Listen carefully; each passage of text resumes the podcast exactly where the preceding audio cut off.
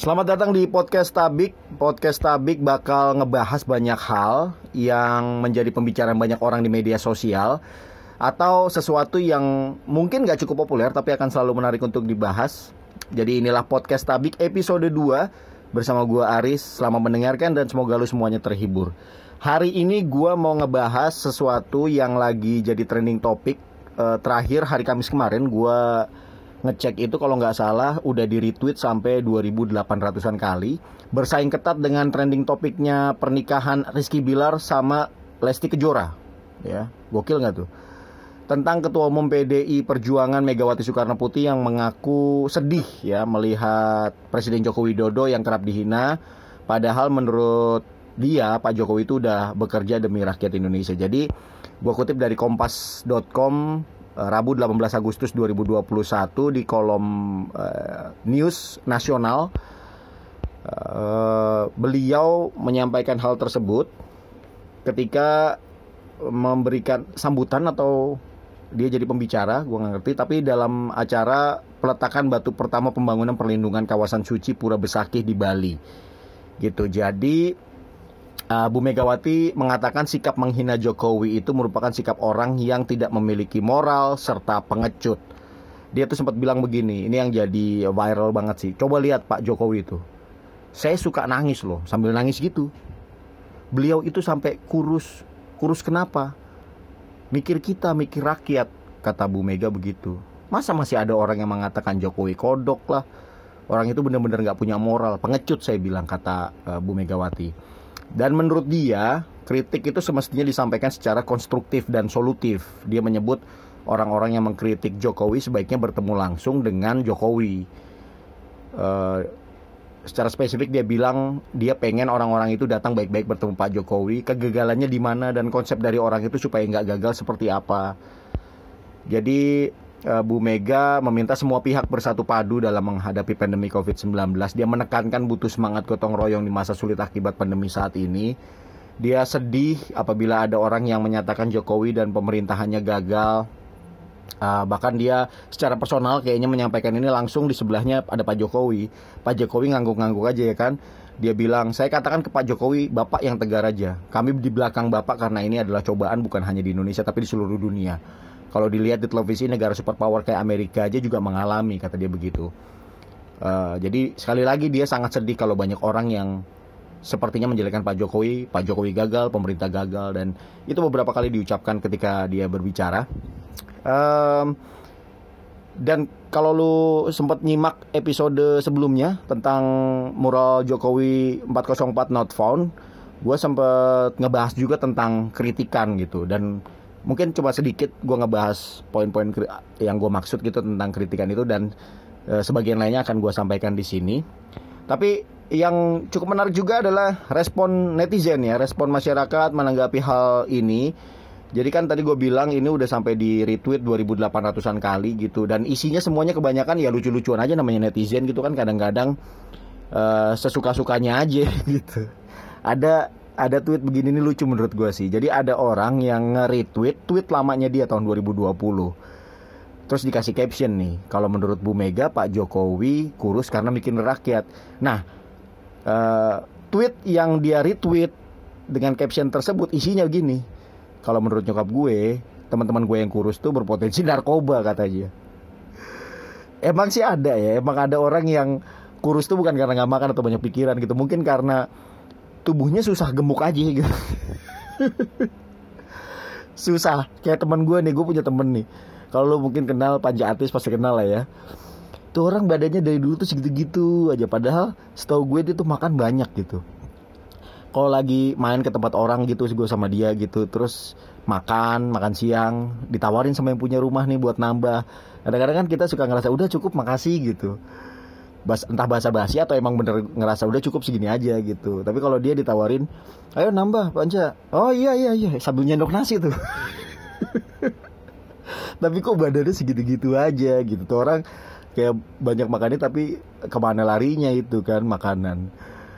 Uh, ada yang sebaliknya susah uh, susah kurus badannya gemuk mulu ya kan? Uh, ada juga yang begini ini ini kocak juga nih ada yang nge-retweet portal berita gitu isinya uh, Megawati menangis Jokowi uh, kurus sampai uh, maksudnya Jokowi kurus karena memikirkan rakyat. Gitu loh kurang lebih ya kalau gua nggak salah. Terus di retweet nih sama satu netizen nih sama satu akun nih. Cewek dibilang begini ih Bu Megawati body shaming gitu.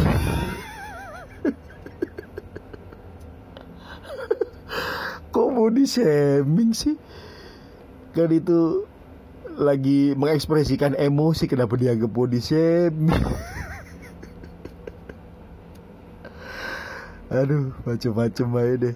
Tapi itu itu netizen begitu. Caranya dia itu menyampaikan ya itu lucu-lucuan aja. Hal seperti ini sebagai lucu-lucuan aja. Gue sih nggak melihat ada sesuatu yang kayaknya terlalu serius banget. Yang ya ada sih yaitu pendukung-pendukung Jokowi yang sepertinya senada dengan Bu Mega gitu. Uh, cuma yang menarik buat gue uh, bahas di sini adalah sekali lagi poin tentang kritik ya. Jadi gue udah pernah bahas ini di episode sebelumnya cuman nggak banyak. Uh, eh, gue ngerasa uh, counter opini yang bilang kritik itu harus disertai solusi ini udah kayak template. Gue sering banget nemuin gue sering banget nemuin ini. Ketika setiap kali ada orang yang mengkritik pemerintah terus dibalas uh, jangan cuma kritik dong solusi lu apa emang lu pikir gampang ngurus negara segala macem kritik doang bisanya ngasih solusi enggak Eh, sekali lagi gue tegesin bahwa kritik itu perlu disampaikan dalam konteks bernegara. Jadi bagi gue kritik itu penting uh, sebagai bagian dari partisipasi masyarakat. Jadi penting terlebih dalam hubungan rakyat sama pemerintah gitu. Tapi kenapa kritik harus disertai solusi? Kan yang punya wewenang kan pemerintah. Kenapa jadi rakyat yang nggak punya power atau wewenang harus ngasih solusi? Karena karena masyarakat nggak punya power, nggak punya wewenang. Makanya yang mereka lakukan adalah mengkritik gitu. Mereka nggak punya wewenang untuk bikin atau penentuan kebijakan. Yang mereka bisa lakukan adalah mengawasi dan itu kan e, haknya masyarakat gitu. E, kewajibannya masyarakat malah gue bilang. Haknya pemerintah adalah e, membuat undang-undang, e, terus juga mendorong masyarakat untuk mematuhi peraturan-peraturan tersebut. Uh, kewajiban masyarakat adalah uh, mematuhi peraturan tersebut. Tapi haknya dia haknya masyarakat juga untuk untuk menyampaikan pendapat. Ya bahkan itu dilindungi undang-undang. Uh, tapi bukan berarti setiap orang yang mengkritik itu harus disertai solusi nggak harus nggak harus. Dan gimana cara menyalurkan solusinya? Sekalipun orang tersebut yang mengkritik ya maksudnya punya solusi. Ada nggak saluran atau medium yang yang efektif gitu untuk menyampaikan seseorang nih kritik terus ngasih solusi gitu? Mungkin pemahaman gue kurang atau terbatas uh, setahu gue nggak ada. Contoh aja misalnya polemik omnibus law undang-undang cipta kerja. Itu upaya uji formilnya udah dilakukan tapi ujung-ujungnya diminta untuk ditolak sama MK permintanya langsung disampaikan sama Pak Jokowi melalui kalau nggak salah Menko Perekonomian Pak Erlangga Hartanto jadi uh, ada beberapa yang dasar hukumnya nggak jelas dari uh, pengajuan uji formil materinya itu. Uh, seperti bahwa undang-undang omnibus law cipta kerja ini nggak melibatkan masyarakat dalam perumusannya.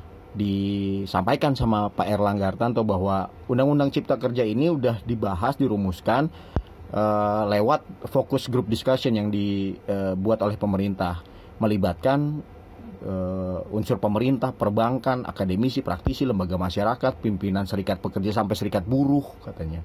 Jadi nggak benar itu kalau dibilang nggak melibatkan masyarakat. Nah pertanyaannya tapi kenapa masih banyak orang yang nolak omnibus law undang-undang cipta kerja ini? Artinya apa? Artinya ada suara-suara yang ngerasa nggak terakomodir mungkin lo berpikir ya iyalah nggak mungkin lah semua semua suara terakomodir gitu nah oleh karena itu jangan ada upaya buat nyumbat suara-suara yang akhirnya cuman bisa disampaikan lewat kritik di medsos di mural kemarin banyak banget yang ngomong uh, ngomongin soal mural dan banyak banget tiba-tiba mural di mana-mana gitu yang uh, tujuannya adalah untuk nyampein keresahan mereka gitu gue sempat berpikir ya gue sempat berpikir mungkin mungkin Bu Mega ini lagi berbicara uh, dari sudut pandang pendukung-pendukung Pak Jokowi yang melihat Pak Jokowi itu sebagai sosok yang berbeda gitu dibanding presiden-presiden sebelumnya. Pak Jokowi kan pembawaannya tuh sederhana, dia tuh kayak yang nggak berjarak gitu sama rakyatnya. Gue kan perhatian banget sama Pak Jokowi ya, gue merhatiin banget. Mungkin lu juga merhatiin ya. Salah satu contoh yang paling terasa banget perbedaannya dari Pak Jokowi dibanding presiden-presiden presiden-presiden sebelumnya. Kalau perhatiin nih, dia tuh mau gitu dideketin sama wartawan untuk diwawancara terus bicara langsung di depan kamera setahu gua ini cuma terjadi pas Pak Jokowi jadi presiden presiden-presiden sebelumnya selalu nunjuk juru bicaranya untuk bicara di depan para jurnalis. Pak Jokowi turun ke jalan masuk ke gorong-gorong turun ke jalan baru-baru ini dia ke Sunter Agung ngasih bantuan sembako sama obat-obatan untuk warga Sunter Agung yang terdampak pandemi. Uh, mungkin dia orangnya begitu karakternya. Walaupun uh, eh, gue berpikirnya ngapain juga Pak Jokowi turun ke gorong-gorong ngasih-ngasih bantuan sembako turun ke masyarakat gitu kan dia punya bawahan. Suruh aja bawahannya untuk melakukan itu sehingga dia bisa fokus sama pekerjaan dia gitu fokus sama area kerjaan dia gitu. Tapi mungkin sekali lagi mungkin Pak Jokowi karakternya atau orangnya begitu gitu. Jadi uh, persepsi yang diterima sama masyarakat sama pendukung-pendukungnya Pak Jokowi Pak Jokowi nggak pantas dihina. Lu lihat dong orangnya begitu. Baik banget turun ke bawah mau nggak berjarak sama masyarakat lu hina-hina. Walaupun sekali lagi ini kan politik ya ini politik. Mungkin ini adalah salah satu strategi komunikasi politiknya Pak Jokowi gitu.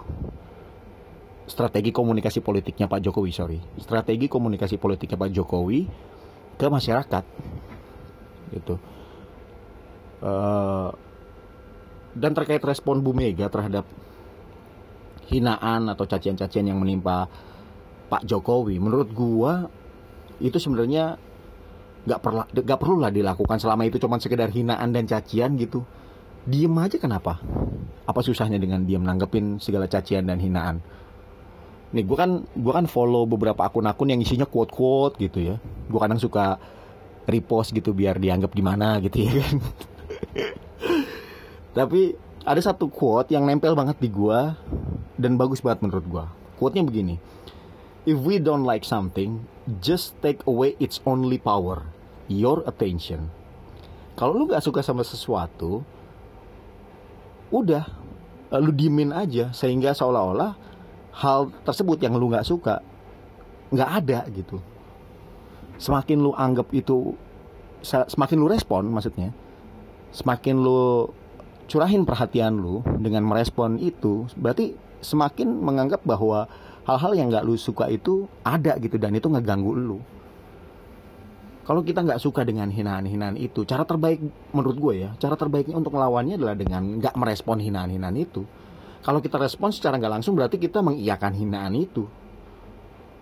Maksudnya bukan membenarkan ya bukan membenarkan hinaan itu tapi kita menganggap hinaan itu ada gitu loh gue menganggap ya hinaan sama cacian tuh kayak uh, nggak nggak ketidakmampuan ketidakberdayaan untuk berargumentasi. Karena kalau dia punya dasar untuk berargumentasi maka dia akan lebih mengedepankan argumen-argumennya untuk berbicara gitu ketimbang melakukan atau ngasih serangan-serangan yang nggak perlu kayak menghina atau mencaci. Kan kalau kata Sigmund Freud kan thinking is beautiful that's why most people judge berpikir itu sulit. Makanya banyak orang tuh ngejudge menghina.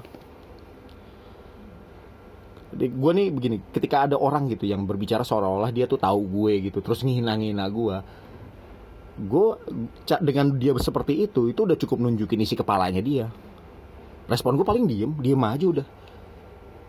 Hinaan atau cacian-cacian itu respon emosional.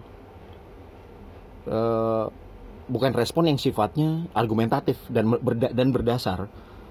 Kalau ditanggapin dengan cara yang sama maksud gue dengan emosi juga gitu itu berarti kita secara nggak langsung nunjukin kita nggak lebih baik dari mereka gitu. Jadi diem aja udah diem. Makanya gue gue agak bingung juga sih sebenarnya kenapa Bu Mega tuh sampai nangis terus nadanya setengah emosi gitu menyebut orang yang menghina Pak Jokowi itu nggak punya moral lah, jahat dan sebagainya. Ya gue nggak tahu ya seperti apa hubungan beliau dengan Pak Jokowi gitu. Apakah itu respon dia sebagai seorang pemimpin di partai tempat Pak Jokowi bernaung? Jadi mungkin mungkin ada uh, kayak ikatan emosional antara Pak Jokowi sama Bu Mega. Mungkin Bu Mega nganggap Pak Jokowi itu lebih dari sekedar kader partai gitu mungkin dianggap anak atau apalah gue nggak ngerti gitu ya. Tapi meski begitu tetap ya menurut gue nggak perlu lah mengekspos kesedihan itu gitu. Maksud gue kita berharap apa gitu dengan mengekspos kesedihan kita gitu sampai bawa-bawa fisiknya Pak Jokowi segala gitu. Pak Jokowi itu kurus karena mikirin rakyat. Kenapa begitu gitu ya? Biar apa maksudnya? Biar dapat respect gitu nggak seperti itu kayaknya sih ngebangun respect ya. Ada cara lain untuk ngebangun respect menurut gua. Uh, nggak harus capek-capek marah emosi emosional gitu. Ngerespon balik itu dengan ngejudge juga. Ada cara yang lebih uh, elegan menurut gue udah segitu aja dari gue uh, untuk podcast tabik episode kedua kali ini. Kritik dan saran sangat terbuka gue tampung karena ini baru episode kedua jadi masih memungkinkan uh, bukan masih memungkinkan sih. Ini sangat terbuka sekali dengan saran dan kritik dari lo semuanya untuk improvement gue ke depannya supaya lebih baik lagi. Lo bisa uh, kasih lewat akun Instagram pribadi gue @karismawbw atau lo bisa email lewat podcast.tabik@gmail.com follow Instagram gue juga nanti gue fallback gue orangnya nggak nggak ini kok nggak jumawa gitu ya. Uh, eh, gue jumadi bukan jumawa. Ya tetap jaga kesehatan lu semuanya. Uh, selamat menikmati hari lu sama beraktivitas buat lu semuanya. Jaga protokol kesehatan dengan baik. Yang belum vaksin ayo divaksin ya. Sampai ketemu di episode podcast tabik berikutnya. See you